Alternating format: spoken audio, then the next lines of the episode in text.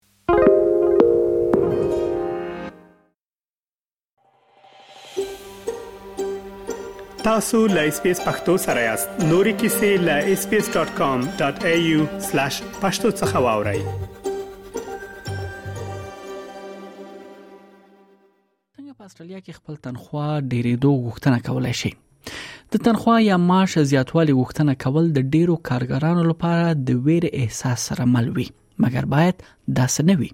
کله چې تاسو د دې دلیل ولرئ چې تاسو د معاش د زیاتوالي لپاره وړ یاست داسې لار شتون لري چې لا خپل دفتر یا کاري ځای سره په دې مسلې خبرو کې تاسو مرسته کولای شي دا کار په ګډه له نور همکارانو سره او یا انفرادي شکل سره تاسو کولای شئ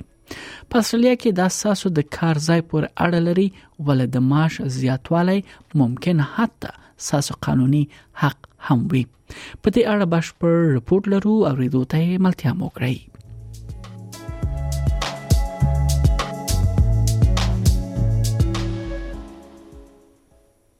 که څه هم د معاشونو د زیاتوالي په اړه مقررات په کاري ځایونو کې توپیر لري د کار قراردادونه عموما د کارمند د کلني فعالیت بیاکتنې د یوې برخې په توګه د معاش د زیاتوالي مهالويش او جزئیات په ګوته کوي مګر کارګران کولای شي په هر وخت کې خپل د معاش زیاتوالي په اړه خبرې وکړي او غوښتنه وکړي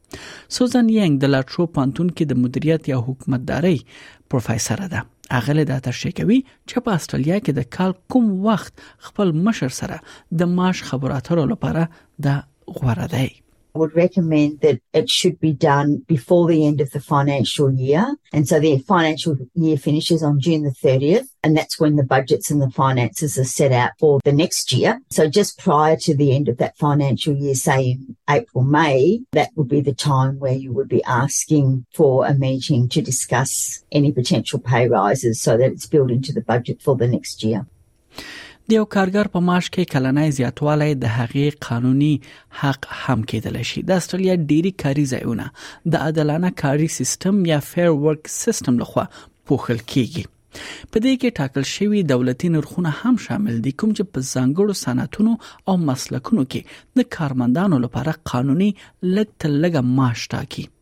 هغه کارمندان چې د دې قانون لاندې پوښل شوې دي د دوی د معاش په نرخ کې د کلنی لګ تل لګ زیاتوالی حق هم موجود وي دا نرخونه د فیر ورک کمیشن لخوا ټاکل شوې دي او کار ورکونکي اړ دي ترڅو کارمندانو ته ټاکل شوی نرخونه باندې تنخواه ورکړي پروفیسور ینګ وایي د معاش د زیاتوالي غوښتنه کولو د مخه لومړی ګام دا موندل دي چې آیا تاسو د ایوارډ یا انټرپرایز اګریمنت تړون لخوا پوښل شوی یاست او کنه په هر صورت تاسو د دې حق لرئ د لګ تلګه معاش څخه حقوا د معاش یا تنخوا ډیرېدو لپاره ل خپل کار ځای سره خبرو وکړئ ځکه تاسو یې په قانوني توګه د دغه غوښتنې مستحق یاست So they can negotiate a pay rise for anything over and above. They can negotiate over award payments or a contract over and above the enterprise bargaining agreement, or they can negotiate a change of classification in their role if they're doing more than what the role description states. And that would probably allow them to then have a pay rise. د کاری یا اوبخي د بشري منابعو کارپو کیرن ګټلی په وینا ډیری خلک د خپل تنخوا ډیریدو غوښتنه لپاره ناراحته احساس کوي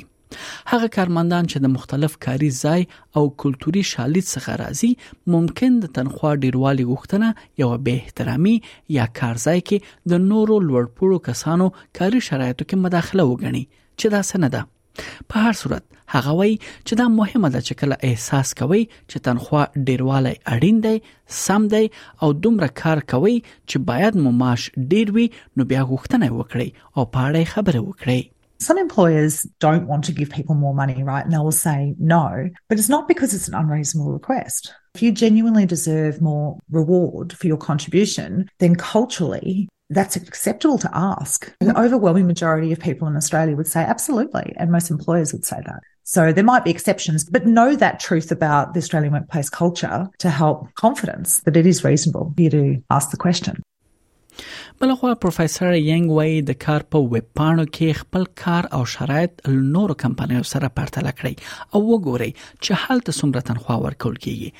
ځکه دا تاسو ته معلومات درکوي چې کچېرې د معاش ډیروالي غوښتنه کوي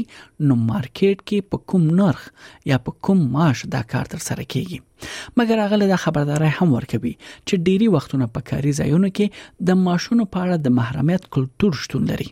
د کوم لمخه چې په غیر مستقیم او په متناسب ډول ځوان کارمندانو میرمنو او لګکیو ډلو باندې دا منفي اغیزه کوي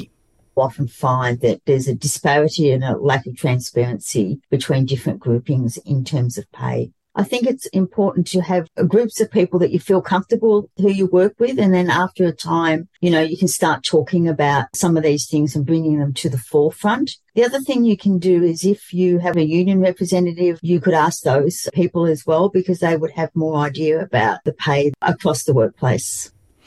مشل اونیل د استرالیا د سوداګریزو اتحادیو د شورا مشره ده هغه وای هغه کارمندان چې د اتحادیو غړیتوب لري یا اساسي یعنی غړیتوب لري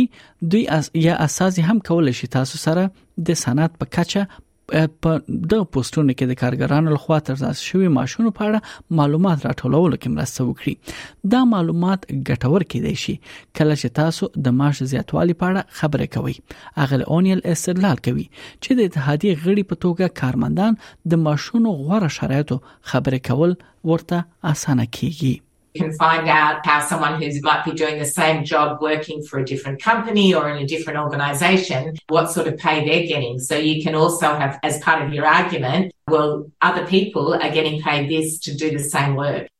Even if your workplace hasn't had an agreement before, you can join together with other workers in the union to say, we want to negotiate an agreement for everyone who works here. That's the best way of getting pay increases. It's always harder when it's individuals. What the evidence shows is that union members uh, in Australia on average are paid $312 more a week than people who aren't in unions.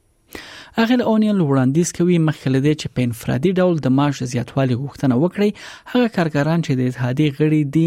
هم دوی کولای شي د دوی اتحادیې څخه ملاتړ وغواړي تر څو لارښود او غوښتنه کې له کارمندانو سره مرسته وکړي اتحادیه کولای شي لارښوونه او سرچینه همدغه کارمند ته چمتو کړي I think it's always important to be well prepared, and that's what a union can help you with. So, thinking about what the arguments are, And the sort of examples of that is when was the last time you got a pay increase? how your job might have changed. So if you've got more responsibilities, you're working different hours, your work has become more intense, you've learnt new skills,